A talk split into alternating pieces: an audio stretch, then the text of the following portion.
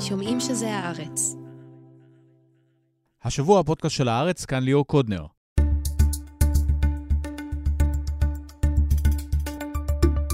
ישראל אמנם עובר את השלב השלישי במלחמה בעזה, אבל חמאס הזכיר אתמול שהוא עדיין יכול לפגוע בצורה קשה בחיילי צה"ל שנותרו בשטח. עם עמוס הראל נתעדכן על התקריות בדרום, ובעיקר נדבר על החזית הצפונית שמתחממת בימים האחרונים. בהמשך על הכסף שאפשר לחמאס להכין את 7 באוקטובר. עם עילית אוסטוביץ' לוי, ראש הרשות לאיסור הלבנת הון ומימון טרור, נדבר על המזוודות הקטריות, הסנקציות הבינלאומיות והפעילות הנקודתית נגד חלפני כספים. אחר כך על גנבות הרכב מישראל, אם בעבר המכוניות האלה שימשו בעיקר לחלפים, הפעם פלסטינים בשטחי יהודה ושומרון רוצים מכונית שנייה בבית, והם דואגים שיגנבו אותה מישראל. דניאל שמיל ירחיב. ולבסוף על המתרגם החשוב ביותר של ספרי מדע בדיוני ופנטזיה שהלך בסוף השבוע לעולמו. עמנואל לוטם תרגם את חולית, פארק היורה ואת ספרי טולקין, נועה מנהיים תספר עליו ועל הספרים שהביא לקהל הישראלי.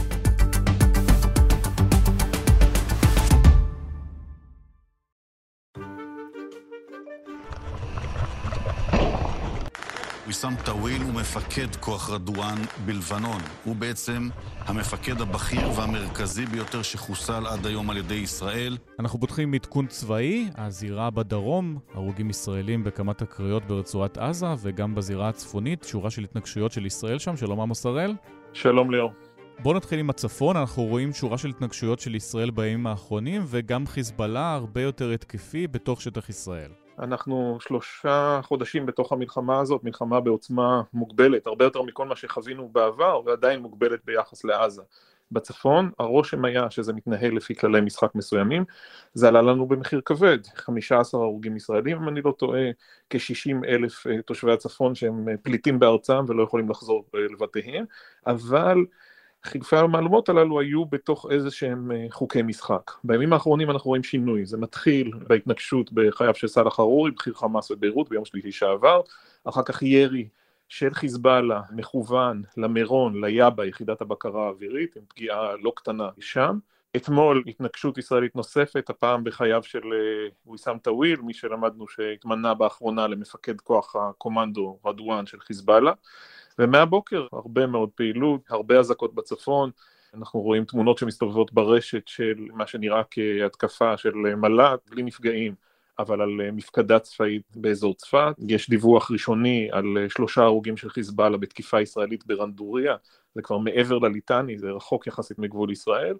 עדיין לכאורה יש פה עוד מגבלות, ישראל לא תוקפת בביירות או בבקעה של לבנון למעט האירוע של חרירי, חיזבאללה מרכז את המאמצים שלו ככה עד אזור צפת עכו בינתיים, עדיין הרושם הוא שזה מכוון למטרות צבאיות, אין איזה ניסיון, בוודאי לא ישראלי, אבל גם לא של חיזבאללה לפגוע באופן מסיבי באזרחים, אבל אנחנו בספירלה עולה, מאירוע לאירוע הקצב יותר גבוה, היקפי הנפגעים לא קטנים, ובעיקר המטרות שבוחרים, די ברור שישראל באופן שיטתי כבר בוחרת לפגוע באנשים בכירים יחסית בצד השני, בעצם אנחנו סופרים אחורנית שבועיים, זה כולל את אותו גנרל איראני שחוסל בדמשק, אנחנו על לפחות ארבע התנגשויות אה, מובהקות שמיוחסות לישראל, לאורך הציר, גם חמאס, גם חיזבאללה, גם משמרות המהפכה האיראנים. סכום ההימור פה יותר גדול, עדיין המוסכמה הזאת שהצדדים לא רוצים במלחמה, לכאורה כולם מחזיקים בה, קשה להתחייב על זה שזה יישאר ככה. האמריקאים דיברו בצורה מפורשת שישראל בעצם רוצה חזית צפונית, כי נתניהו רוצה לשרוד בתפקיד שלו,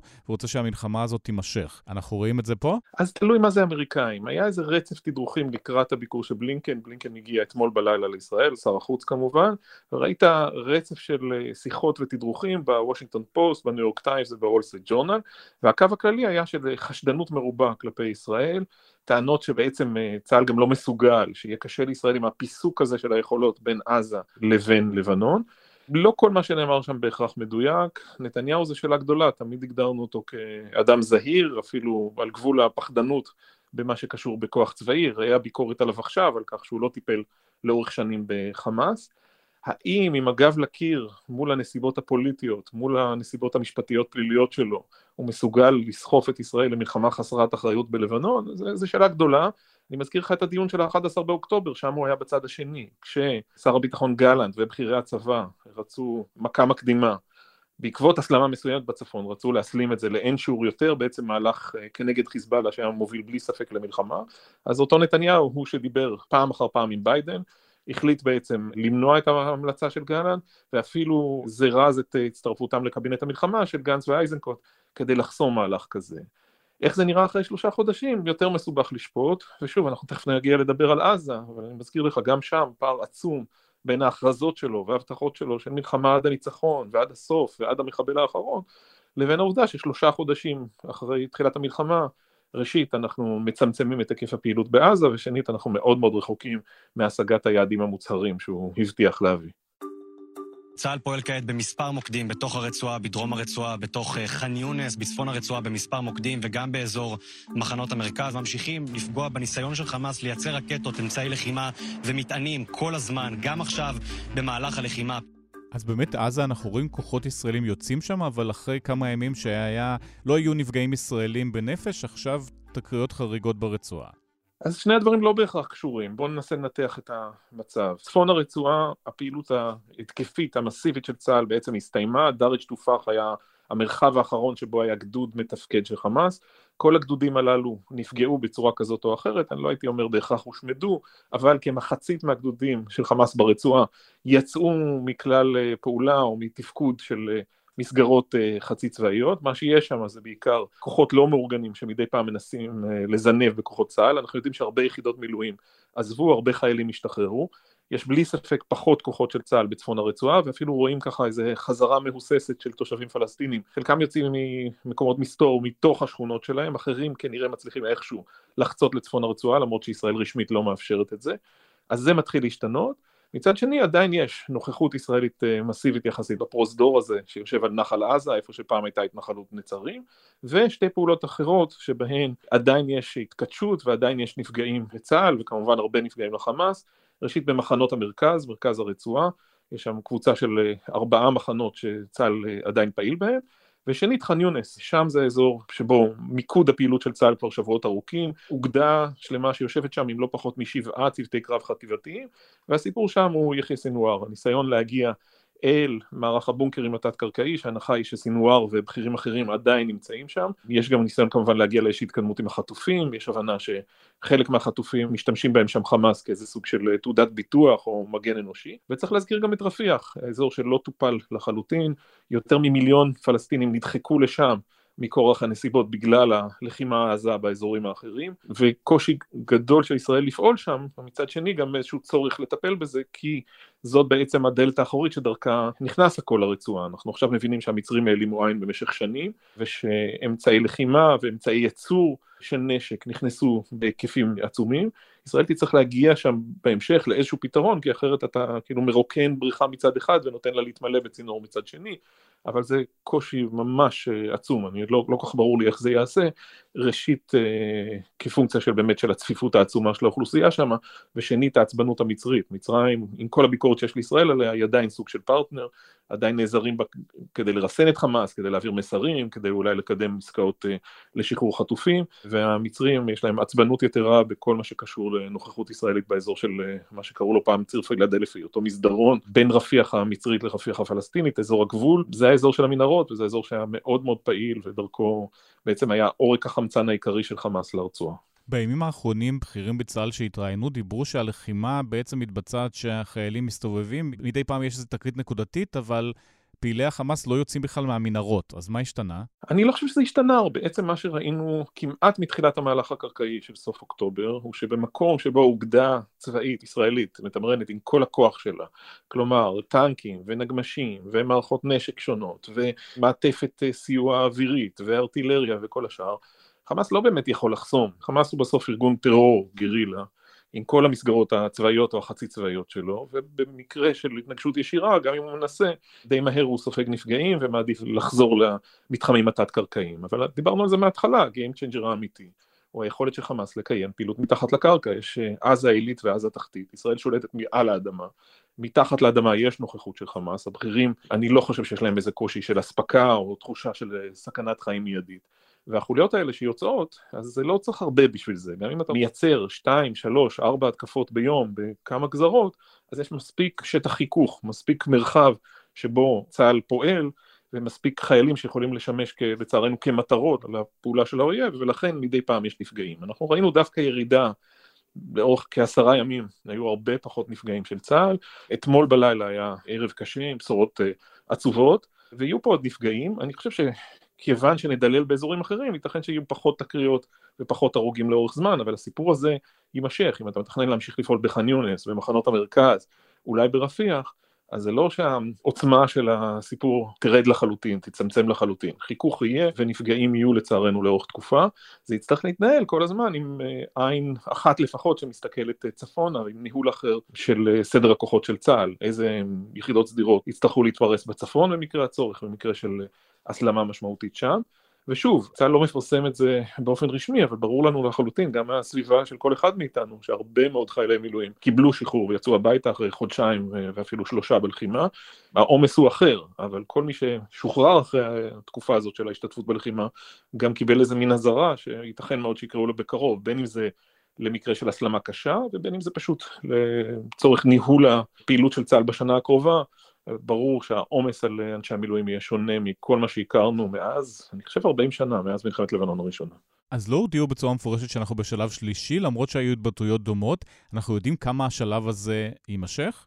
הודיעו באנגלית, לא הודיעו בעברית. אנחנו בעצם כותבים את זה בארץ כבר אה, שבועיים שלושה, שאנחנו זוחלים לתוך השלב השלישי, בגלל הקושי של הממשלה, הפער הזה בין ההבטחות הסרק של נתניהו לבין המהלכים בפועל, בעצם הוסכם שלא מכריזים רשמית עברנו לשלב ג', אבל המסר אה, עובר, ראשית החיילים שמשתחררים וצמצום הכוחות, שנית הרעיונות באנגלית של אה, דובר צה"ל ושל שר הביטחון. אתמול, זה יכול לקחת חודשים, הם מדברים על מלחמה שתימשך בעזה לאורך השנה הקרובה, והיא תהיה אחרת, היא תכלול נוכחות צבאית מוגבלת, היא תכלול פשיטות שבהתחלה יהיו אוגדתיות ואחר כך ירדו לסדר גודל חטיבתי, אבל כיוון שחמאס לא הובס ורק חלק מהמנגנונים שלו פורקו, אז אה, החשיבה הישראלית אומרת, אנחנו נמשיך לחוות בהם עד שיושג פה איזשהו שינוי שימנע מחמאס להיות השלטון ברצועה ובוודאי יחסל את היכולות הצבאיות שלו. כאן יש לנו בעיות אחרות, ראשית, איך אתה מגיע בכלל למצב שבו חמאס באמת אה, מאבד את רוח הלחימה או את היכולת להילחם, לא ראינו את זה קורה עכשיו למרות אותם גדודים שנפגעו או התמוטטו.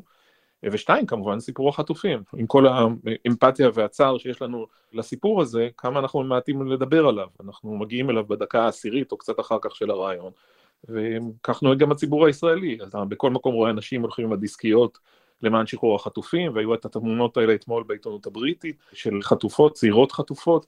הצער הזה הוא עצום, אבל הוא לא מתורגם ללחץ מעשי על הממשלה שמביא איזושהי גמישות או קידום של פתרון. אם נשווה את זה למה שקרה באמצע סוף נובמבר, ששם פתאום הייתה איזו תפנית בדעת הקהל שהובילה לבסוף לנכונות של הממשלה להגיע להסדר, אז אנחנו רחוקים מזה. ועם זאת, צריך גם להודות שהנסיבות הן אחרות. הדרישות של חמאס הן הפעם הרבה הרבה יותר גבוהות, הוא רוצה נסיגה ישראלית, הוא רוצה חסינות לבחירה, והוא רוצה שחרור המוני של אסירים. יהיה מאוד מאוד אה, קשה להיענות לזה, ואני גם לא רואה נכונות אה, מיוחדת של חמאס להתקדם מהר לקראת עסקה. ההצהרה כמובן היא שהשעון ממשיך לתקתק, ואנחנו, מכל מה שאנחנו שומעים, גם מהחטופים שחזרו ומספרים יותר על תנאי השבי, ברור לנו לחלוטין שכל יום שעובר אה, גדל הסיכון שעוד חטופים ימותו שם, או שעוד חטופים כבר לא יחזרו אלינו שלמים בנפשם ובגופם. ככל שהסיפור הזה מתארך, הסכנה הזאת רק גוברת. אז התחלנו עם הצפון, בואו נחזור לזה לסיום. בעבר אמרת, אנחנו בחזית וחצי, עכשיו אפשר כבר לנתק את אה, החזית הצפונית מהדרומית? כי אם בחזית הדרומית הכוחות יוצאים, בצפון אנחנו רואים רק עוד ועוד תקריות ואיזושהי הסלמה שאולי כבר לא קשורה לדרום. יש קשר מסוים, ויש גם איזו תזה אמריקאית שאומרת, אם אתם עוברים לשלב ג' ואולי אפילו מדללים בח'אן יונס, אולי אפשר יהיה לשכנע את נסראללה להגיע להפסקת אש. ולהתחיל לדון על דברים אחרים. ראינו את uh, עמוס הוכשטיין, שליחו של ביידן לעניין הלבנוני באזור בימים האחרונים, בלינקן הגיע אתמול, חלק גדול מהשיחות יעסקו בזה, ויש עדיין השערה אמריקאית שאומרת, נסראללה ואיראן לא רוצים במלחמה, עדיין נזהרים, אם יהיה להם איזה סולם, אפשר אולי להוריד את הצדדים מהעץ. האמריקאים באופן מובהק, גם מאותן הדלפות לעיתונות האמריקאית, מאוד לא רוצים פה מלחמה אזורית, מאוד חוששים ממצב של הסלמה ללא שליטה בין ישראל לחיזבאללה. זה מתנהל עם קשר מסוים לעזה, אבל יש פה באמת גם סיבות אחרות. קשה לי להמר עכשיו לאן זה יוביל. אנחנו לא רואים החלטה איראנית או החלטה בביירות ללכת all out למלחמה מול ישראל. אבל אנחנו הרבה הרבה יותר קרובים למצוק ממה שנדמה לנו. הספירלה השלילית הזאת של הידרדרות מתמשכת, הסלמה מתמשכת, שאני תיארתי לך קודם, היא מאוד יכולה להשפיע על האירועים, וגם כשאתה בוחן אחורנית את מלחמות ישראל עם לבנון לדורותיהן, הרבה פעמים זה משהו שלא לא התכוונו אליו, זה יצא כפונקציה של הסלמה מתמשכת שהתקשו לשלוט בה ולא כהחלטה של מישהו לצאת למלחמה, אפילו כשאתה חוזר אחורנית ל-2006, יש תמיד את המשפט הקלאסי הזה של נסראללה שמצוטט שבועיים אחרי סוף המלחמה, שאומר שאילו הוא חשב שהישראלים יגיבו בצורה כזאת לחטיפה של שני חיילי המילואים, אם היה אחוז אחד של סיכוי, הוא לא היה מורה על החטיפה. אז רגע של גילוי לב של נסראללה אז, אני מניח שהצלקות והזיכרונות מהתקופה הזאת עדיין משפיעים עליו למרות הרטוריקה המתלהמת, אבל שוב, לא הכל בשליטתו, לא הכל מתוכנן, ואנחנו קרובים מאוד לקצה בסיפור הזה, לפי כל מה שקורה בימים האחרונים. עמוס הראל, תודה רבה. תודה לכם.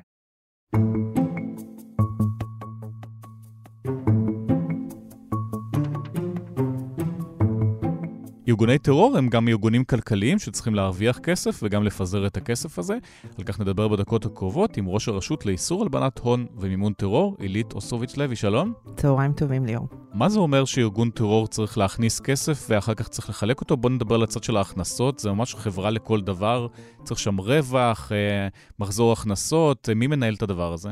אה, אתה צודק מאוד, ליאור. ארגון טרור הוא הרבה יותר מחברה, זה למעשה קונגולומרט של אה, הרבה מאוד אה, הכנסות מהרבה מאוד סוגים. אם נדבר רגע על אה, סוגי ההכנסות אה, של ארגון הטרור חמאס, שאנחנו עוסקים בו הרבה בעת הזו לצערנו, אז uh, יש את הפן באמת של החברות שמכניסות את הכסף, אם כי זה חלק, uh, נתח יחסית קטן של, uh, של ההכנסות, אנחנו מדברים על משהו כמו אחוז בערך. Uh, יש לך נתחים גדולים יותר שהם המימון המדינתי, uh, ממדינות כמו איראן למשל, אה, יש לך כספים שמגיעים מארגונים שמתחזים להיות ארגוני צדקה, ארגונים ללא כוונות רווח, שמשמשים לאיסוף אה, רב מאוד של תרומות במרכאות עבור אה, חמאס. יש לך הכנסות ממימון המונים ועוד סוגים רבים של הכנסות. הקונספציה הנכונה היא כזו, אם אין מימון טרור, אין טרור. טרור זה עסק מאוד מאוד יקר, כולנו ראינו את המתקפה האיומה של 7-10, אה, כמו שאנחנו מכנים אותה, וצריך הרבה מאוד כסף גם להיערך, גם לפעול, גם ללחום, וגם להיערך ליום שאחרי. אז אם נדבר על ההכנסות של אה, חמאס לפני שנגיע להוצאות באמת, אז קטר מזרימה שם הרבה כסף, איראן מזרימה הרבה כסף, קטר אנחנו יודעים שהגיעו מזוודות במזומן, שישראל אפשרה את זה במשך שנים, ואז מה קורה עם הכסף הזה? אה, הכסף הזה משמש למה שכולנו רואים ב- ביום-יום, משמש אה, החל מבניית אה, מנהרות, רכישה של אמל"ח, ייצור של אמל"ח, משמש למשכורות. להיות פעיל טרור זה עסק מאוד מאוד משתלם מבחינה כלכלית, בטח באזורים, גם, גם באזור עזה וגם באזור לבנון, אזורים שבהם קשה להתפרנס. הערכות מדברות על אה, הכנסות של כ-1,500 דולר בחודש לפעיל טרור, זו משכורת מאוד מאוד משמעותית, ובעצם יש תמריץ מאוד גדול. לוחמי הטרור עולים כסף, פעילי הטרור עולים כסף, כל האופרציה הצבאית וגם האזרחית. זה הכל מזומן? זה במידה רבה מאוד במזומן, יש ממש כלכלה מקבילה שהיא כלכלת מזומן. שתסביר לנו למה ארגוני טרור מעדיפים מזומן. מכיוון שיש דבר שנקרא משטר הסנקציות העולמי. משטר הסנקציות הוא, הוא בעצם הדרך של המדינות הנורמטיביות להילחם במימון טרור. מה זה אומר סנקציות? זה אומר שמדינות, אה, בין אם זו מדינת ישראל, בין אם זו מחל... אה, אה, האוצר האמריקאי, האיחוד האירופי, כל מדינה בעצם, יש לה רשימת סנקציות, שבה היא מכריזה על גורמים ש, שלשיטתה קשורים לארגוני טרור, פעילי טרור, ישויות טרור, חברות שמקושרות לטרור, ואומרת אה, לעולם, ובוודאי לאותה מדינה שכפופה למשטר הזה, אומרת להם, אלה הישויות שאסור לאפשר להם להתנהל מבחינה פיננסית. המטרה היא לחנוק פיננסית את הפעילויות של ישויות הטרור, וככל שהרשימה רחבה יותר, וככל שיותר מדינות מכבדות את הרשימות אחת של רעותה, ככה בעצם נוצרת איזושהי רשת מאוד מאוד צפופה מבחינה עולמית, שמאפשרת את החנק הפיננסי הזה. שזה אומר שאיראן לא יכולה לכתוב אה, צ'ק לאיזשהו פעיל אה, בחיזבאללה או בחמאס? זו דוגמה טובה מאוד, ליאור, מכיוון שאיראן היא קונצנזוס כמעט בעולם מבחינת הצורך לחנוק אותה מבחינה כלכלית, והסנקציות נגד איראן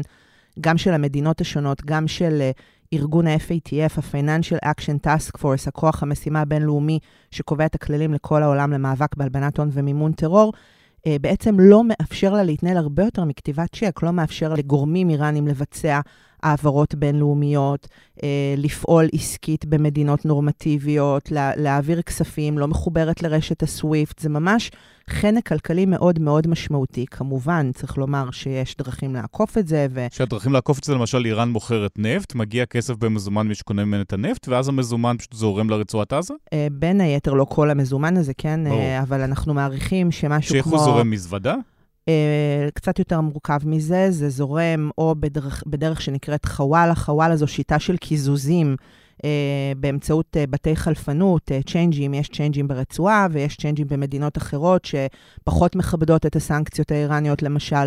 ואז צ'יינג' בחו"ל אומר לצ'יינג' בעזה, תעביר לפעילי חמאס כך וכך כסף, אני אהיה חייב לך, ואז כשבאיזשהו אופן מגיעים פעילים לאותו צ'יינג' בחו"ל, אז הוא מעביר להם את הכסף, וככה בעצם יש איזושהי שיטה של קיזוזים, בלי שכסף עובר בפועל. זאת דרך אחת. דרך אחרת היא באמצעות uh, סחורות למשל, איראן יכולה לרכוש סחורות, להעביר אותה בדרכים הנורמטיביות, כמובן לא היום, אבל ב- בימים כתיקונם שהיו פעם, להעביר אותם uh, לרצועה, ואז צריך בעצם לסכל את ההעברה של הסחורות, כי המטרה היא uh, שהסחורות הגיעו לחמאס, הם ימכרו אותם לאוכלוסייה הכללית והכסף ייכנס לחמאס. אותם צ'יינג'ים שהזכרת, אז אחת ההתנקשויות שהייתה של ישראל זה מישהו שניהל צ'יינג' בתוך הרצועה, זה מאותה סיבה?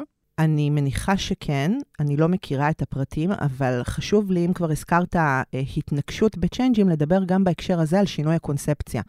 כי הקונספציה שנכון יותר מאשר להתנקש בצ'יינג', לחסום את נתיבי הכסף ובעצם לבודד את הצ'יינג'. ואני רוצה להזכיר בהקשר הזה מבצע מאוד מאוד מוצלח שיצא לפועל, בשיתוף רב זרועי כמעט נדיר אה, בין, אה, בהובלה של משטרת ישראל, יחידת הסייבר בלהב 433, יחד עם צה"ל והשב"כ, וכמובן הרשות לאיסור הלבנת הון ומימון טרור, והמטה ללוחמה כלכלית בטרור, ורשות המיסים ופרקליטות, והרבה מאוד גופים שביחד ביצעו תפיסות ומעצרים מאוד מאוד אה, משמעותיים של שישה צ'יינג'ים משמעותיים באיו"ש דווקא. שוב, מתוך הבנה שהרבה מאוד כסף זורם מאיו"ש לחמאס, וצריך לבודד את הצ'יינג'ים הללו. זה שינוי קונספציה משמעותי שבעצם מתייחסים לארגוני טרור כמו שמתייחסים לארגוני פשיעה כלכליים, ובעצם כמו שצ'יינג'ים מהווים הרבה מאוד פעמים נדבך מאוד משמעותי בפעילות של ארגוני פשיעה, פה פעלו כדי לבודד את העברת הכספים לחמאס באמצעות הצ'יינג'ים האלה. אנחנו רק בתחילתה של החקירה שעברה לפני שבועיים מהשלב הסמוי לגלוי, אבל אה, זה משהו מאוד מאוד מיוחד. זו פעם ראשונה שבוצע כזה מבצע ביהודה ושומרון, זה באמת אה, אה, משהו מאוד מאוד נדיר שראוי לציין. על צ'יינג'ים אנחנו מדברים כבר הרבה שנים, גם בתוך ישראל, גם בחו"ל. למה פשוט אי אפשר לסגור את זה וזהו? יש את חוק המזומן בישראל, אפשר להגיד אין יותר צ'יינג'ים, תוציא כסף מהבנק וזהו. קודם כל, כשאנחנו אומרים צ'יינג'ים, אנחנו מתייחסים לנותני שירותים פיננסיים. נותני שירותים פיננסיים זה סקטור מאוד גדול ומשמעותי בתוך הסקטור הפיננסי הכללי. ואנחנו לא מעוניינים לסגור את נותני השירותים הפיננסיים. אנחנו, משטר איסור הלבנת הון ומימון טרור, מדבר על הכלה פיננסית. אנחנו רוצים לאפשר לכל הסקטורים להתנהל, מה גם שאי אפשר להכליל ולהגיד צ'יינג'ים. יש הרבה מאוד נותני שירותי פיננסים משמעותיים, גדולים, נורמטיביים, שמצייתים לחוק ופועלים בצורה מאוד מאוד, אה, אה, מאוד תקינה ונכונה. שאת רוצה שיהיו קבלות, שירשמו מאיפה הכסף הגיע, לאיפה הוא הולך, זה מה שאת רוצה? חלק גדול מהם, בוודאי. אנחנו, אנחנו רוצים שהם ידווחו לרשות לאיסור הלבנת הון, אנחנו רוצים שהם יכירו את הלקוחות, אנחנו רוצים שהם יבצעו ניטור של עסקות ובעצם יצייתו למשטר איסור הלבנת הון ומימון טרור. חלק גדול מהם עושה את זה. אנחנו מדברים על החלקים הקטנים יחסית, אסור להכליל, אנחנו מדברים על החלקים הקטנים יחסית, שלא מצייתים למשטר, שפועלים בשירותם של ארגוני פשיעה, שפועלים בשירותם של ארגוני טרור, אותם אנחנו מזהים, אה, אנחנו מגיעים אליהם, זה התפקיד של הרשות לאיסור הלבנת הון ומימון טרור, למפות את נתיבי הכסף באמצעות דיווחים שמגיעים ממקומות אחרים ועוד מאגרי מידע נוספים שיש לנו כחלק ממאגר המודיעין הפיננסי של הרשות.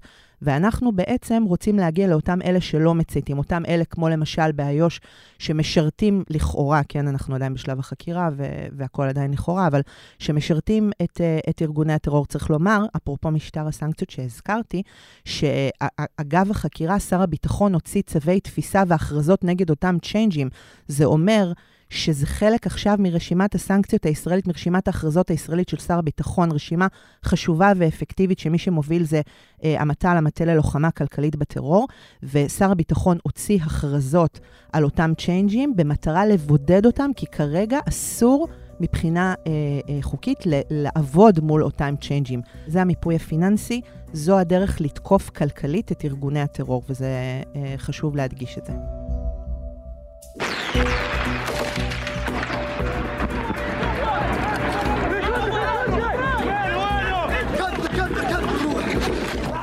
אם אנחנו חוזרים ל-7 באוקטובר, את יכולה להגיד כמה האירוע הזה עלה לחמאס? הערכות, אה, ליאור, הן אה, של מיליארדים, כל מספר זוכה. תלוי איך סופרים, אם מתי מתחילים. דבר אחד ברור, זו היערכות מאוד מאוד משמעותית של זמן מאוד מאוד רב. אה, יש עכשיו תשומת לב יתרה לכספים שנאספים לעזה בתקופה הזאת, ואנחנו עכשיו מנסים אה, יחד בשילוב ידיים לסכל את הכספים שזורמים ליום שאחרי. כן? עדיין ממשיכים לזרום כספים בו... גם עכשיו. בו...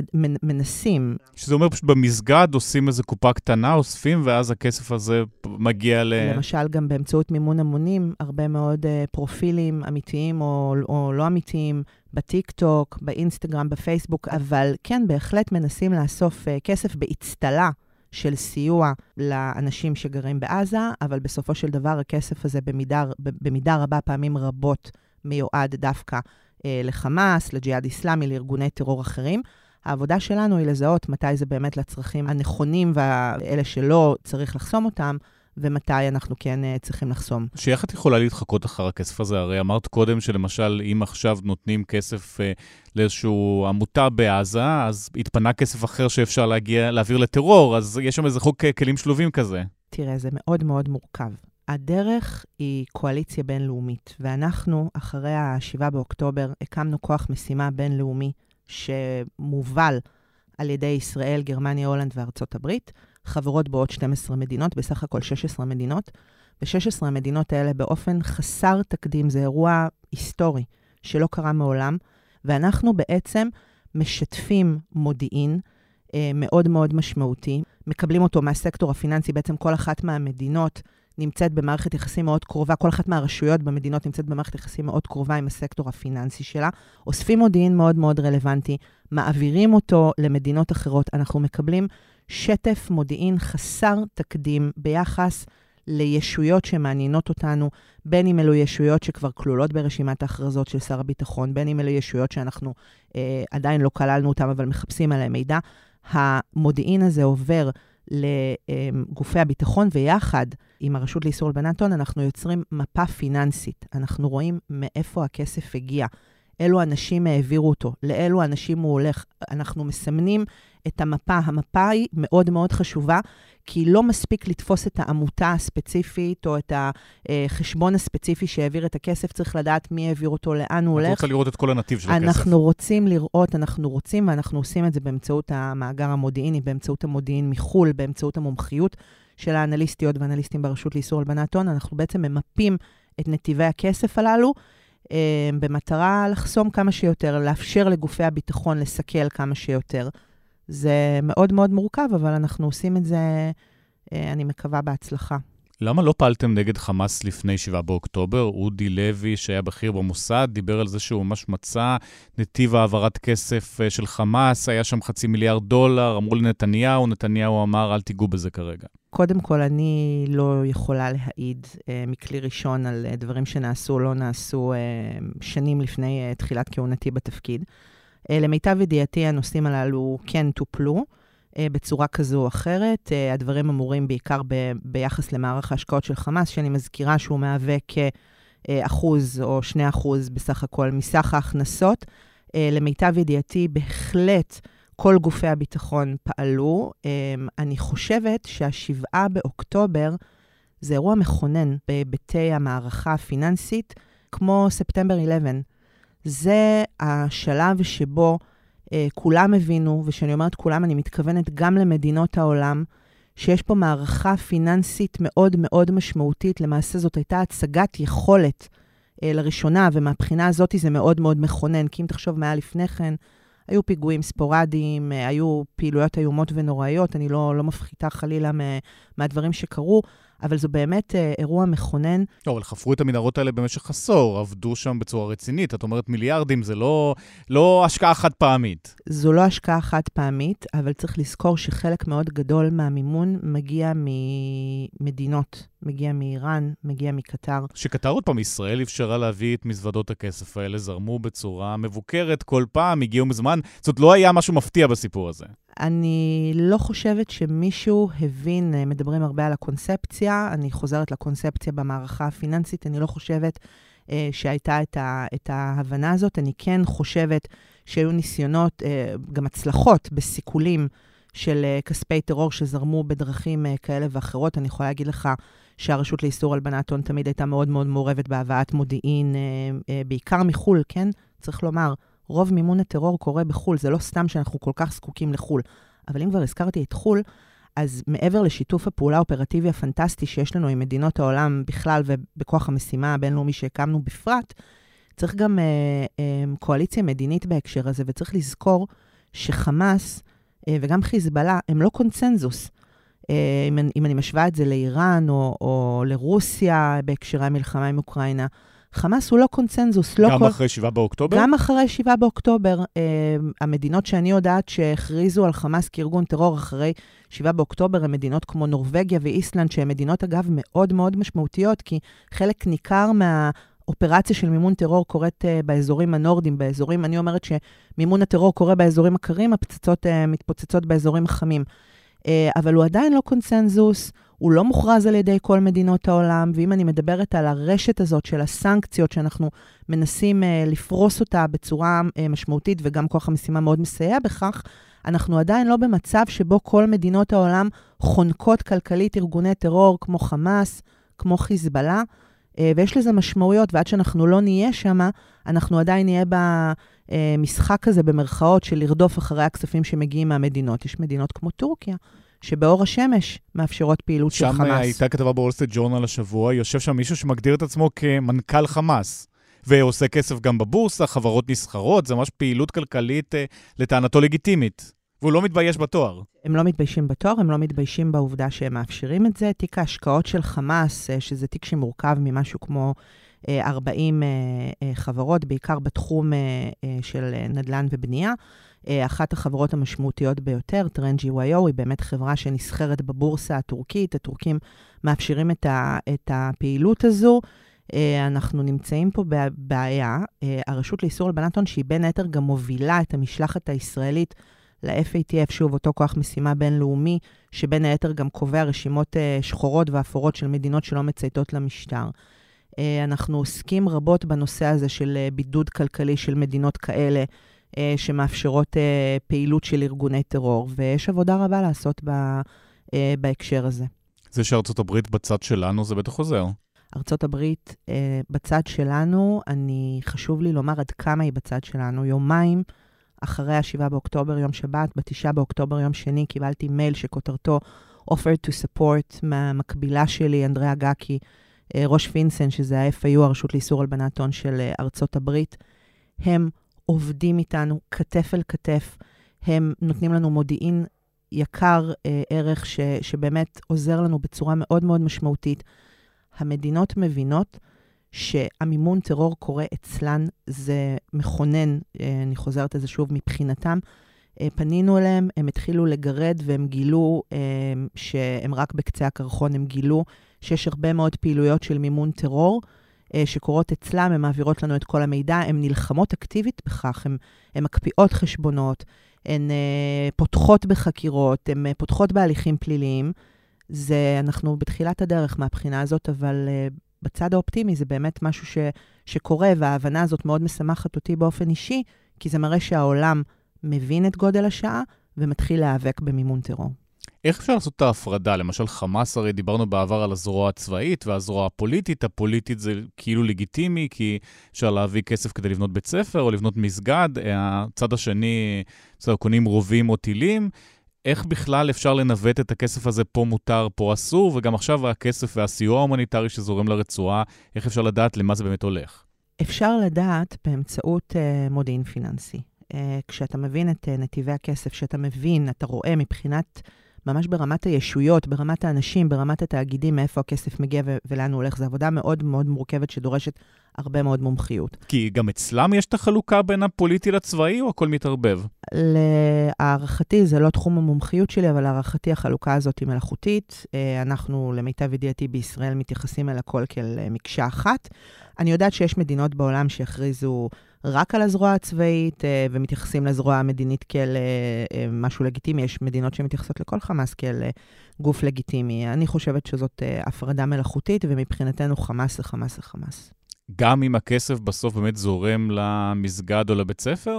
לא. אם אנחנו מתרשמים שבאמת אה, הכסף אה, במפה הפיננסית שאנחנו בוחנים, אנחנו רואים שבאמת הכסף מגיע למטרות אה, אה, אזרחיות אה, או מטרות אה, לגיטימיות, עד כמה שקשה אה, לומר את זה ב, בימים אלה, אה, גם אי אפשר לפעול אה, בבת אחת, בכל מקום, כל הזמן, מול כולם. צריך אה, לתעדף וצריך אה, אה, לשים באמת את מירב המאמצים והמשאבים על ה... הגופים המשמעותיים. אנחנו מתמקדים בגופים מוכרזים, בישויות טרור, בפעילי טרור, בארגוני טרור. אני אומרת ארגון טרור, גם תאגיד שעובד בשירות חמאס הוא ארגון טרור. זה לא רק חמאס, ארגון הטרור. לחמאס כחמאס, אה, מאוד קשה לעבוד בעולם. הוא פועל באמצעות uh, תשתיות, באמצעות מערכים פיננסיים. אנחנו מתעדפים את, ה, את הגדולים והמהותיים שבהם, שהם חלק מרשימת ההכרזות uh, של שר הביטחון. אמרת בתחילת השיחה, אם אין כסף, אין טרור, אז הכסף כרגע לא זורם, לחמאס קשה לשלם משכורות, אותם אנשים שיושבים במנהרות בקושי שורדים, אז לאורך זמן באמת תוכלי להגיד, זה בזכות העבודה שלכם? אני חושבת שחלק משמע... כרגע זה חלק משמעותי הוא בזכות הלחימה ובזכות ה... הקשיים הפרגמטיים, נקרא לזה, לפעול אה, ולקבל משכורות. אה, אני מניחה שסניפי הבנק סגורים אה, בימים אלו בעזה. וקשה לצאת מהמנהרה וקשה גם. וקשה לצאת מהמנהרה, וקשה באופן כללי להתנהל שם. וכן, יש הצלחות, וצריך uh, להתעודד מההצלחות. אני תמיד אומרת, ייאוש הוא לא תוכנית עבודה, צריך... Uh... אבל היובש הזה, כמה זמן הוא אמור להימשך כדי שיהיה איזה קרק והארגון uh, לא ישרוד? או שזה לא קורה? כל עוד יש מימון מדינתי משמעותי, יכול להיות שתהיה ירידה משמעותית בהכנסות, אבל יובש של ממש לא יהיה. אנחנו צריכים לפעול בוקטורים מקבילים, גם ברמה האופרטיבית המקומית, גם ברמה האופרטיבית מול מדינות העולם, וגם ברמה המדינית מול מדינות העולם, שזה משהו שהוא קצת יותר אה, גדול ממני ומהרשות שבראשה אני עומדת. שזה אומר לקטר לא לשלוח כסף?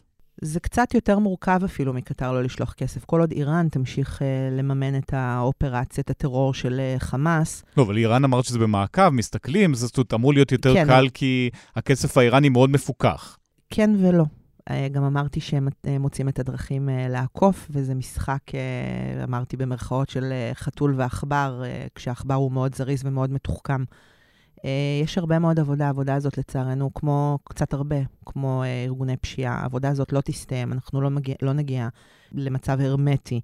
אה, אבל זאת השאיפה, זה היעד האסטרטגי, אלו היעדים הטקטיים שנגזרים מהם. עבודה מאוד מאוד קשה שדורשת הרבה מאוד מומחיות, אבל היא דורשת גם, כאמור, שוב, שינוי קונספציה, הבנה שהמערכה הפיננסית היא מערכה לכל דבר ועניין, ושהיא מערכה מאוד מאוד מהותית. לא בהיבט הנקודתי, הטקטי, אה, של אה, דולרים מתעופפים באוויר כי הפציצו חלפנות כזו או אחרת, אלא החסימה של נתיבי הכסף, הכרזות. אה, על כמה שיותר גופים שמקושרים לארגוני טרור, הפצה כמה שיותר נרחבת בעולם וכמה שיותר מדינות שיכבדו את רשימת ההכרזות הזו.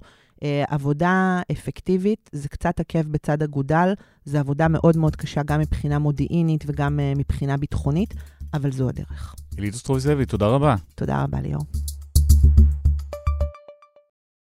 מחמאס וחיזבאללה לשטחי יהודה ושומרון, שם התושבים רוצים מכונית שנייה. בעבר מכוניות מישראל היו נגנבות לצורכי חלפים, הפעם המכונית השנייה נגנבת משטחי ישראל ועוברת לשימוש הפלסטינים. שלום דניאל שמיל. היי ליאור.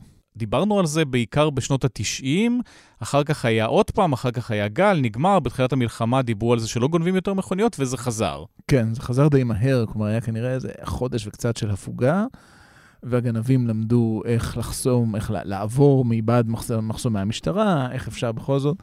והגנבות חזרו כמעט לקצב הרגיל שלהן. והגנבות, אנחנו מדברים על לוקחים איזושהי מכונית במרכז הארץ ומעבירים את זה לשטחים לצורך נכון. מה? גם נסיעה וגם פירוק לחלפים? זהו, זה, זה מעניין שפתאום השימוש השתנה. פעם רוב המכוניות היו הולכות למה שנקרא משחטות רכב, מכונית מגיעה, ומה שתיארו לי איך חצי שעה אחרי שהיא הגיעה לשם, לא נשאר הרבה מהמכונית. עכשיו המצב השתנה, יש עדיין הרבה מכוניות שנגנבות לחלפים, ויש כאלה שנגנבות למה שקוראים לזה במשטרה לשימוש עצמי, אוקיי? קצת כמו חומרים אחרים. זאת אומרת, מישהו ראה את המכונית, את היאגור שברשותך, אמר לדניאל, כן. יש יאגור, הוא לוקח את זה לשטחים? יאגור עוד אין לי, אבל כן, זה, זה בערך המצב. לוקחים מכוניות, לרוב לא מכוניות יוקרה דווקא, אלא מכוניות פופולריות, כאלה שיהיה קל לתקן ולמצוא להן חלפים.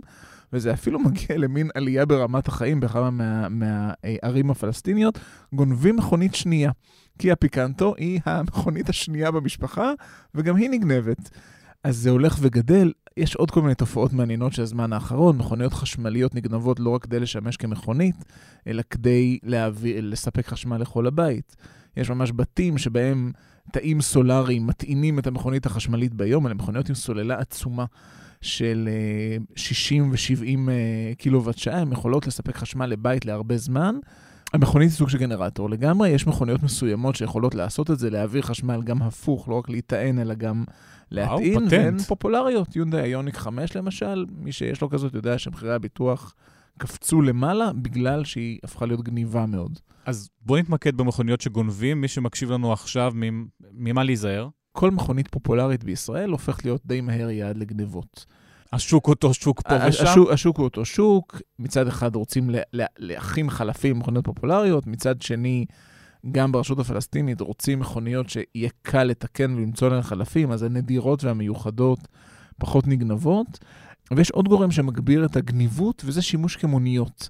כי בהכללה גסה, וסליחה אם לא דייקתי, אבל לנהגי מוניות בגדול פחות אכפת מאיפה מגיעים החלפים. אני לא טוען שהם בהכרח קונים, אבל הם לא מבררים היטב מאיפה הגיע החלק חילוף למכונית שלהם. נהגי מוניות פה בישראל. בישראל, בישראל, כן, כן. החלפים חוזרים לרוב לישראל. הם uh, מגיעים למוסכים בישראל. יש פה יבוא ייצוא כזה. בדיוק, uh, כן. הם לוקחים חדה, לוקחים, לוקחים שלם ומחזירים לנו את זה בחלקים. אז המכונות הכי גניבות זה אותה קיה פיקנטו שעליה דיברנו, שתי חברות ביטוח שאיתן דיברנו, וכמובן לא מציינות את שמן כדי לא לריב עם היבואנים, אבל שמות אותה בראש רשימת הגניבות. ויש גם דגמים של מזדה ושל יונדאי וטויוטה, וזה קורולה היברידית ולא היברידית, ורב 4 ו, אה, ויונדאי קונה ואיוניק שהיא, שהיא גם היברידית. יפניות וקוריאניות הן, הן בראש הרשימה הזאת. דבר איתי בכמויות. אז, אז באמת, יש לנו עדיין, אין נתונים סופיים, אבל יש הערכות של המשטרה של 21 אלף מכוניות שנגנבו בשנה שעברה. וואו, זה המון. זה המון. זה גם עלייה של 23 אחוז. ואם אנחנו מסתכלים על, על 2019, שהיה זה השפל בגנבות, אז מספר הגנבות יותר מהכפיל את עצמו. אנחנו מדברים על 134 אחוז רק תוך שלוש שנים. ולמה זה קורה? כי למשטרה בעצם לא אכפת? לא, כי המשטרה לא מצליחה, אוקיי? השמיכה קצרה מאוד, אה, גם יחידת אתגר, שזו היחידה שהוקמה כדי להתמודד עם גנבות, עוסקת היום בעיקר, או גם, הדעות כאן חלוקות, אבל עוסקת הרבה בנשק לא חוקי במגזר הערבי. ואגב, אולי זו בעיה חמורה יותר, צריך להגיד, גנבות מאוד כואבות לכיס, אבל המשטרה לא מתמודדת גם עם בעיות חמורות יותר שפוגעות בחיי אדם. אה, ולכן המשטרה לא, לא מצליחה למצוא את המכוניות. זה מספרים מטורפים. נכון. פשוט כמעט כל לילה נגנבות הרבה מכוניות, לוקחים את זה לשטחים. וזה כמעט אבוד, כן. אף אחד לא עושה מאמץ למצוא את המכונית. אמצעים טכנולוגיים גם, אגב, פה לא עוזרים? יש אמצעים טכנולוגיים, הבעיה היא שהתגובה היא גם מאוד איטית. למשל, כבר פירקו כל... את הרכב עד שהוא כן, הגיע. כן, גם הגנבים הם מתוחכמים מאוד. למשל, יש מערכות איתור על המכוניות, כן, איתור עין, פוינטר, אחר, אחרות.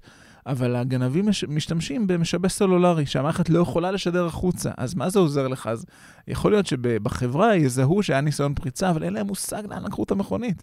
לא יודעים לאן בשטחים או, או דרך איפה לקחו אותו. אמ, וגם כשמזהים את המכונית, אז יש כל מיני מרדפים, ואנחנו שמענו סיפורים והרפתקאות, אבל הרבה פעמים זה מסתיים בבעיה, וגם חברות הביטוח אומרות, גם אם מצאו את המכונית, לפעמים היא בכזאת מצב שאין לנו מה לעשות איתה יותר. אנחנו, היא בנזק כבד, אנחנו בכל מקרה נשלם את הערך שלה, זה לא עוזר לנו הרבה. ופה אנחנו מגיעים לנקודה המאוד כואבת, זה לא רק שאנחנו לא מרגישים בטוחים שהמכונית שלנו נשארת בחנייה, אלא כולנו, גם אם יש לי מכונית שהיא לגמרי לא גניבה, כולנו משתתפים בתשלום הזה במחירי ביטוח גבוהים מאוד. ואנחנו רואים את המחירי ביטוח האלה עולים כל הזמן, וגם חברות הביטוח אפילו אומרות שהן מפסידות כסף, נכון. וחברות ביטוח לא אוהבות להפסיד כסף. על הסעיף הזה, כן, צריך להגיד, חברות ביטוח מפזרות היטב. עושות הרבה כסף כן, במקומות אחרים, על מכוניות זה לא טוב להן. כן, מה שקרה רכב רכוש, כן, הרכב כרכוש, הן מפסידות כסף, הפסידו כמה שנים. אה, עכשיו זה מתחיל להתקרב לאיזון, אבל גם מתקרב לאיזון. אנחנו לא נראה ירידה של מחירי הביטוח בעתיד הנראה לעין. אז אותה קיה פיקנטו, כמה זה עולה לבטח אותה? אני צריך לשלוף אותה, לא, לא בדקתי, אין לי קיה פיקנטו באופן אישי, אולי מזל, כי לא גנבו לי, אבל uh, צריך לבדוק את זה. אבל באמת, הביטוח כערך, מ, או הסכום הביטוח כערך ממחיר המכונית הוא מאוד עולה, וגם בכלי רכב אחרים, אופנועים למשל, יש אופנועים שלא מבטחים אותם, כי כל כך יקר לבטח uh, ימה הטימקס, היא דוגמה מאוד בולטת. המחיר של הביטוח הוא בערך 15% ממחיר הקטנוע עצמו. אתה לא, וזה סיפור של יכול להיות כן למעלה מ-10,000 שקל בשנה, לא עושים את זה. אז אנשים שמים איזה מכשיר איתור, לפעמים זה עוזר, לפעמים זה לא עוזר, אבל כמעט אין טעם לבטח. יש מה לעשות אה, חוץ מלהכניס את האופנוע הביתה? יש הרבה מה לעשות ברמת המדינה. באישית, כדאי לקנות, זה מצחיק, מכוניות פחות פופולריות, יש להם אולי חסרונות אחרים, אבל יכול להיות שתהיה קצת יותר בטוחים מגניבה. תכף תגידי, תקנו מכונית צרפתית. אפילו, אם אתם ממש רוצים להעז ולא, כן, פה אני, כן, הן באמת פחות גניבות, צריך לומר את זה. אה, ברמת המדינה צריך, צריך לחשוב מה עושים ואיך מתמודדים עם העניין הזה. איך מייצרים למשטרה מספיק משאבים וסדר עדיפויות, איך גורמים לזה, למשל, שהמחסומים בכניסה מישראל לגדה יבדקו גם את מי שנכנס לגדה ולא רק את מי שיוצא לישראל, ואז יהיה קל יותר לאתר מכוניות כאלה. זה לא ייפתר בלי שנשקיע גם אולי לתקן חלקים מחומת ההפרדה, גדר ההפרדה בין הגדה לישראל, שדרכה הרבה מאוד uh, גנבים נכנסים. לא שווה לחברות הביטוח לשים כסף על זה? אז בעבר הן שמו, כלומר, יחידת אתגר הוקמה במימון חברות הביטוח כדי לצמצם את הגנבות. היום נאמר לי ככה מאוד בזהירות, הם לא מרגישים שעדיין יש שיתוף פעולה מספיק מהמשטרה. הן לא יכולות לעשות את זה במקום המשטרה, וגם החברות איתור הפרטיות, שזה גם הפרטת הביטחון האישי. לא יכולות לעשות את זה במקום, במקום משטרת ישראל. אנחנו משלמים, אגב, גם להן, כן, האיתור עולה המון כסף אה, כל חודש, וזו עוד הוצאה שמצטרפת לביטוח. ואולי אם המשטרה תשים את זה יותר גבוה בסדר העדיפויות שלה, או תצרף את זה לשלל המשימות שהיא חייבת לטפל בהן, נתחיל לראות איזה שינוי לטובה. דניאל שמיל, תודה רבה. תודה, ליאור. אתה קורא אותו, מספיק פעם אחת, אבל זאת פעם מיוחדת במינה. אתה לא קורא את זה כמו קורא רגיל. המתרגם עמנואל לוטם מת בסוף השבוע בגיל 80, הוא אחראי להרבה ספרים של מדע בדיוני בעברית, בין היתר חולית, גם ספרי טולקין. זה הזמן uh, לדבר על המורשת שלו עם נועה מנהיים, ראש מחלקת ספרות עברית בהוצאות כנרת זמור הדביר, שלום. שלום, שלום. אז אכן מתרגם פורץ דרך? כן. Uh, אני חושבת שבעיקר בגלל המחויבות שלו, המסירות שלו, וגם מה שהוא עשה בארץ כדי לקדם את הסוגות האלה בתקופה שבה הן לא ממש uh, היו רווחות כאן. הוא ממש הביא את הספרים האלה לקהל בישראל, בלעדיו אולי לא היינו נתקלים בזה, או היינו נתקלים בזה אחרי תקופה מאוד ארוכה. כן, כלומר, את הספר הראשון שהוא uh, תרגם בסוגה הזו, שזה היה חולית, שזה מדהים לחשוב שזה הספר הראשון שהאיש הזה תרגם בחייו, uh, הציעו לו. זו הייתה תקופה שבה התחילה להתבסס, מה שנקרא, uh, בקרב יודעי חן, הסדרה הלבנה של עם עובד, שהייתה סדרה שהוציאה הרבה מאוד ספרי uh, מדע בדיוני מאוד מאוד חשובים, והוא קיבל לתרגם את חולית, אבל אחר כך הוא הפך לא רק למתרגם, אלא גם לעורך של סדרות של מדע בדיוני ופנטזיה, על אחד מהמקימים של האגודה הישראלית למדע בדיוני ופנטזיה, ופשוט, באמת, כמו שאומרים, עמוד תווך של הסוגות האלה בארץ. היה לזה שוק כבר בהתחלה, או שלקח זמן? כן, היה לזה שוק, אה, היה מגזין מודפס שיצא אז, שנקרא פנטזיה 2000, זאת אומרת, הייתה אה, אה, תחילתה של קהילה מאוד ערה. היא אף פעם לא הייתה קהילה גדולה בארץ, היום היא הרבה הרבה הרבה יותר נרחבת ומגוונת מכפי שהיא הייתה אז בהתחלה, אבל... בטח גם בזכות הוליווד, אגב. נכון, בזכות הוליווד, בזכות הקומיקס, זאת אומרת, קודם הקומיקס אולי ואחר כך מארוול, ו... אבל היום נגיד בכנסים, שהוא היה מהיוזמים של הראשון שבהם, אנשים כמו אמתך הנאמנה שיושבת פה מולך, מביאים כבר את הילדים שלהם. זאת אומרת, מי שהלכו לכנסים כבני נוער, הם כבר uh, היום בורגנים מהוגנים, uh, שהילדים שלהם עושים קוספליי. אז... Uh... אבל הילדים שלך באים בטח בשביל הארי פוטר, פחות uh, טולקין, לא? Uh, הבן שלי עדיין לא הצליח לעשות את החיבור לטולקין, אבל זה בסדר, הוא רק בן 11, אני לא, לא לוחצת לו. Uh, אבל למשל, uh, סופרת אחרת שעמנואל uh, תרגם, שזו אורסולה לגוויין, סופרת שאני מאוד מאוד אוהבת, הוא כבר קרא את אחד מהספרים שלה ומאוד מאוד אהב. כלומר, אני, הוא כבר כן מתחיל להיכנס לתוך מרחבים שעמנואל אכלס, וזה מאפשר לי... דרכו אה, לקרוא שוב תרגומים ישנים שלו ולראות אם הם עומדים במבחן הזמן. הם בעברית... קצת קשים לקריאה, אגב. שר הטבעות לא מזמן ניסיתי עוד פעם, וקשה לצלוח. אכן קשה לצלוח, אבל אני חושבת שזה חלק מהאופי של הספר, יותר מהמאפיין של התרגום. זאת אומרת, גם באנגלית קשה לצלוח. כן, זה לא... השפה של טולקין היא שפה מיתית, אה, וככזו יש לה את החוקים שלה, גם את האודסאה, להבדיל, לא קל לצלוח. אבל אם אתה קורא היום את חולית בתרגום הישן, הוא עדיין אוויר לחלוטין, אה, אוויר בעין. וגם, אני חושבת שאחד הדברים שהיו מעניינים בעמנואל זה היכולת שלו להתחדש כמתרגם. Uh, הוא תרגם, אני חושבת, אחד הדברים האחרונים המשמעותיים שהוא הריק לעברית, הייתה טרילוגיה בשם יושרה שניונית של אן לקי, שבזמנו זכתה בפרס הוגו עליה, שאחד הדברים הכי מאתגרים בה לתרגום uh, בעברית זה שהמגדר של הדמויות שם לא ברור. עכשיו, עברית בהיותה שפה מאוד ממוגדרת ונוראית בעניין הזה, זה באמת היה אתגר, ובשביל אה, איש מהאסכולה הישנה, כפי שעמנואל בוודאי היה, עצם הרעיון הזה והניסיון לפרק אותו ולאמץ אותו, אה, זה לא פשוט. אז איך הוא עשה את זה? אה, הוא עשה את זה יפה מאוד, מבריק. אה, הוא כבר התנסה בזה קודם לכן, סיפור קצר של קוני וויליס, שגם שם צריך לערפל את המגדר עד איזה רגע מסוים בסיפור, שאז זה מתגלה וזה הטוויסט. אז היה לו קצת ניסיון בזה, אבל הוא עשה את זה מאוד מאוד יפה. מה, אתם, אתם, איך זה עובד? לא מגיעים לזה, כלומר, עד נקודה מאוד מאוחרת. מאוחרת בקריאה, אתה לא מבין מי הדובר, כלומר, מנקודת המבט של מי הסיפור מסופר, האם זה גבר או אישה, והאם הדמויות שהיא, הוא, פוגשים, אה, הם אה, זכרים או נקבות. שזה מאוד קשה באמת, אפילו היא אמרה, הוא אמר, הוא פגש, הוא יצא. מאוד מאוד קשה. אה, ובאמת, הצלחה מאוד... מרשימה שלו, וגם תוך כדי דיאלוג עם הסופרת, זאת אומרת, הייתה שם גם עבודה שנגיד כשהוא התחיל, אה, בתחילת דרכו, לא היה עם מי לדבר. טולקין לא, לא ענה. לא. הוא לא יכול היה לכתוב מייל לפרנק הרברט ולשאול אותו, תגיד, למה שמת כל כך הרבה מילים לא נכונות בערבית בספר שלך? הוא פשוט תיקן אותן. ברמת מינוחים בעברית, כשהוא התחיל, פשוט לא היה את כל המילים האלה. גם מה הוא המציא בין היתר? נכון. אה, היו חסרים הרבה אלחמים. אה, כדי ל... אלחמים, מילים חדשות, כדי להתרשם מהם, מספיק לפתוח את אחד הספרים הישנים של אה, לארי ניבן שהוא תרגם. אה, שם נגיד אה, חבורה של פושעים שגונבים איברים. זה עוסק הרבה בהשתלת איברים, אז הוא קרא להם איבריינים. עם א', יפה, יפה, כן, חיבור יפה. מאוד נחמד. בחולית היו לו הרבה מאוד פיתוחים, הוא קרא לה פרמן, בגלל הממד של הפרי בתוך השם שלהם, הוא קרא להם דררים, כאילו מדרור. גם בסרט, אגב, זה התרגום. נכון, הם השתמשו ב, אה, בתרגום, אה, אני חושבת, של הספר, כשהם אה, תרגמו את הכתוביות. את המטבעות שנקראים סולאריים, אם אני לא טועה, הוא תרגם לחמנים מחמה, כלומר... עכשיו, יש לומר שהעברות הזה של תרגומים הוא דווקא מאפיין של תרגומים ישנים יותר, כמו למשל רם ויעל, אה, שזה רומאו ויוליה וכל מיני כאלה, איטיאל הכושי. אה, אבל היום זה, היום אני מתכוונת לתקופת חיי, למשל, אה, זה הרבה פחות מקובל. כי אנחנו אוהבים אינגלוז כבר? לא, כי אנחנו מנסים להיות נאמנים למקור.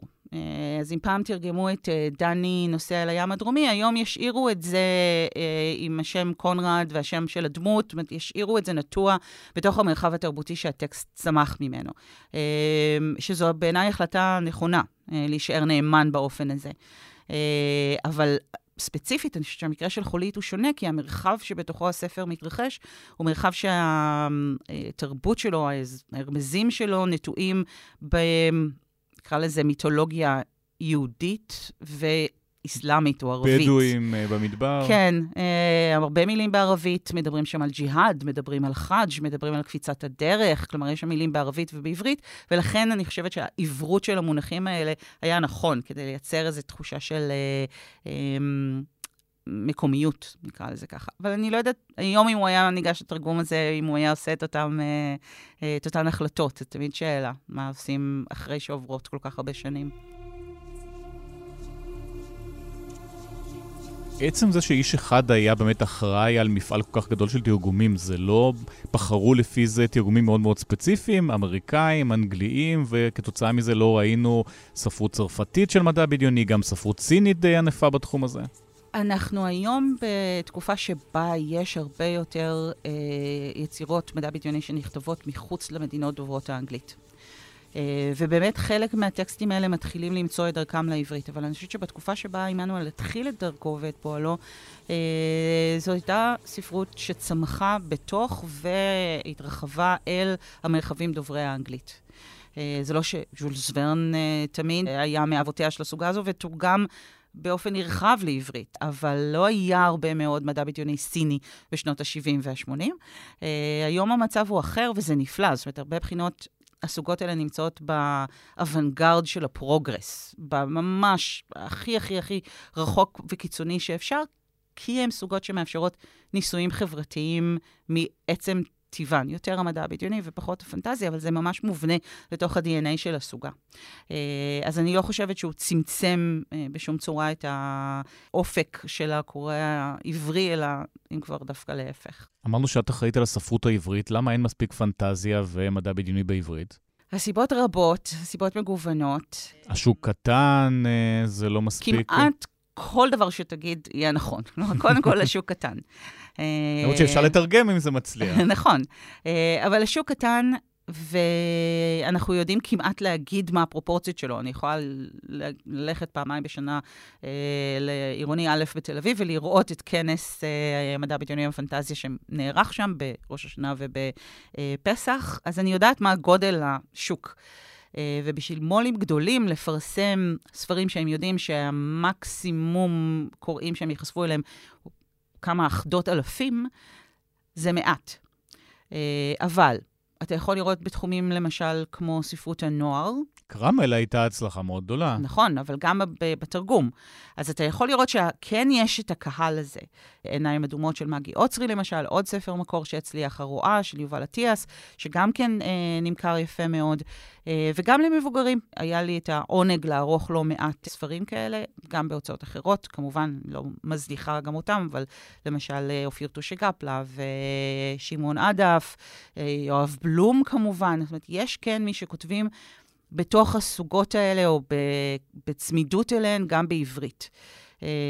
אבל אין לנו את המסורת המאוד ארוכה ומפותחת אה, שיש לאמריקאים, אה, בעצם דרך הבריטים, ובכלל שיש למרחב האירופי, ששם עד שלב מאוד מסוים אין לך הבדלה ז'אנרית. אה, לפוטה, האי המעופף של אה, גוליבר, סומניום של אה, קפלר, היצירות האלה לא הוגדרו כמדע בדיוני, הם היו פשוט ספרות, אוטופיה של תומאס מור, כאילו, זה, זה פשוט היה חלק מה-DNA התרבותי.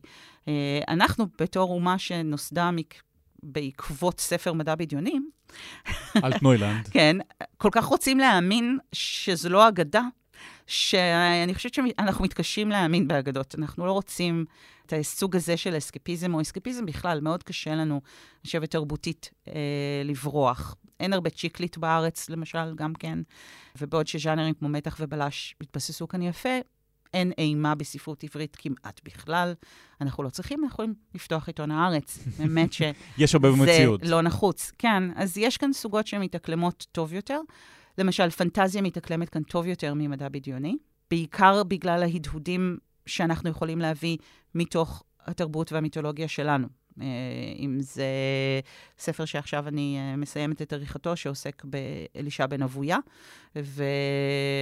ובקסמים ובכשפים שהוא יכול לחולל, או אה, שרה בלאו, שכותבת בזיקה תמיד למיתוסים יהודיים. אז יש לנו את הקשרים האלה, את המסורת הזו, כמו שלטולקין הייתה את המסורת הנורדית והגרמנית והקלטית שהוא יכול היה למשוך ממנה. עד כמה ספרות זה בכלל הזירה העיקרית בתחומים האלה? הרי אני מניח סדרות והוליווד אה, בסרטים זה הרבה יותר משמעותי. חולית, אה, נזכרנו בזה כי היה טרילוגיה של סרטים שאחד מהם יצא ועוד מעט יוצאים עוד שניים. אז גם מהבחינה הזאת אולי עמנואל לוטם זה היסטוריה רחוקה. אני חושבת שמה שמעניין בסרטים ובסדרות שמתקיימות בעולמות האלה זה עד כמה כמעט כולן מבוססות על דברים שהתחילו בדפים. כי צריך לכתוב איזה משהו מאוד עמוק עם הרבה... אה, בדיוק. איזשהו רקע, וקשה לברוא את זה בסדרה? נכון. זאת אומרת, אתה יכול לאבד כבר יצירה שמישהו ברא לה אה, פריקוולים וסיקוולים, כן, יש התחלות והמשכים, יש גם שבעה ספרים, למשל, סתם בסדרה גם ככה. מישהו טרח עבורך ויצר את העולם, את החוקיות שלו, אה, התווה את גבולותיו, צייר את מפותיו, המציא את יצוריו. התסריטאי רק צריך לשאוב מתוך ה... אה, באמת חומרים המאוד מאוד עשירים האלה. אז אם 65% מכל החומר שמופק בעשורים האחרונים מתחיל את דרכו בדפים, עדיין, גם עכשיו? אה? כן. גם משחקי הכס, מדברת... אגב, שלא הזכרנו, נכון. שאולי אחת הסדרות הכי מצליחות בשנים האחרונות. לחלוטין, ואני מדברת בתוך מה שנקרא האוכלוסייה הכללית, כלומר, לא רק בז'אנרים האלה. 65% מהסרטים והסדרות שמופקות עכשיו התחילו את דרכם כספרים או כקומיקס, נקרא לזה. ומתוך הכמות הזו, הרוב המכריע הוא יצירות ז'אנריות. עכשיו, גם הן מצליחות, מכיוון שה... קולנוע בוודאי, אבל גם הטלוויזיה היום, עם היכולות הוויזואליות שלה, הקנבסים הענקיים האלה מסוגלים להכיל את החזון הזה. אז זה יכול להיות אסימוב, שעכשיו איבדו את סדרת המוסד שלו, משחקי הכס שהזכרת, קישור הזמן, אה, שלא לדבר על כל סרטי מארוול אה, והקומיקסים שמתוכם הם אה, צמחו, אה, האיש במצודה הרמה. רק מלחמת הכוכבים זה יוצא דופן כנראה. נכון. אה, אם חושבים על זה שזה בעצם מה שלוקאס עשה אחרי שלא נתנו לו לביים את חולית, אז אפשר לראות את זה כעוד אה, ענף של, ה, של העץ הזה, זה עוד אה, נקמה קטנה. נועה מיינם, תודה רבה. תודה רבה.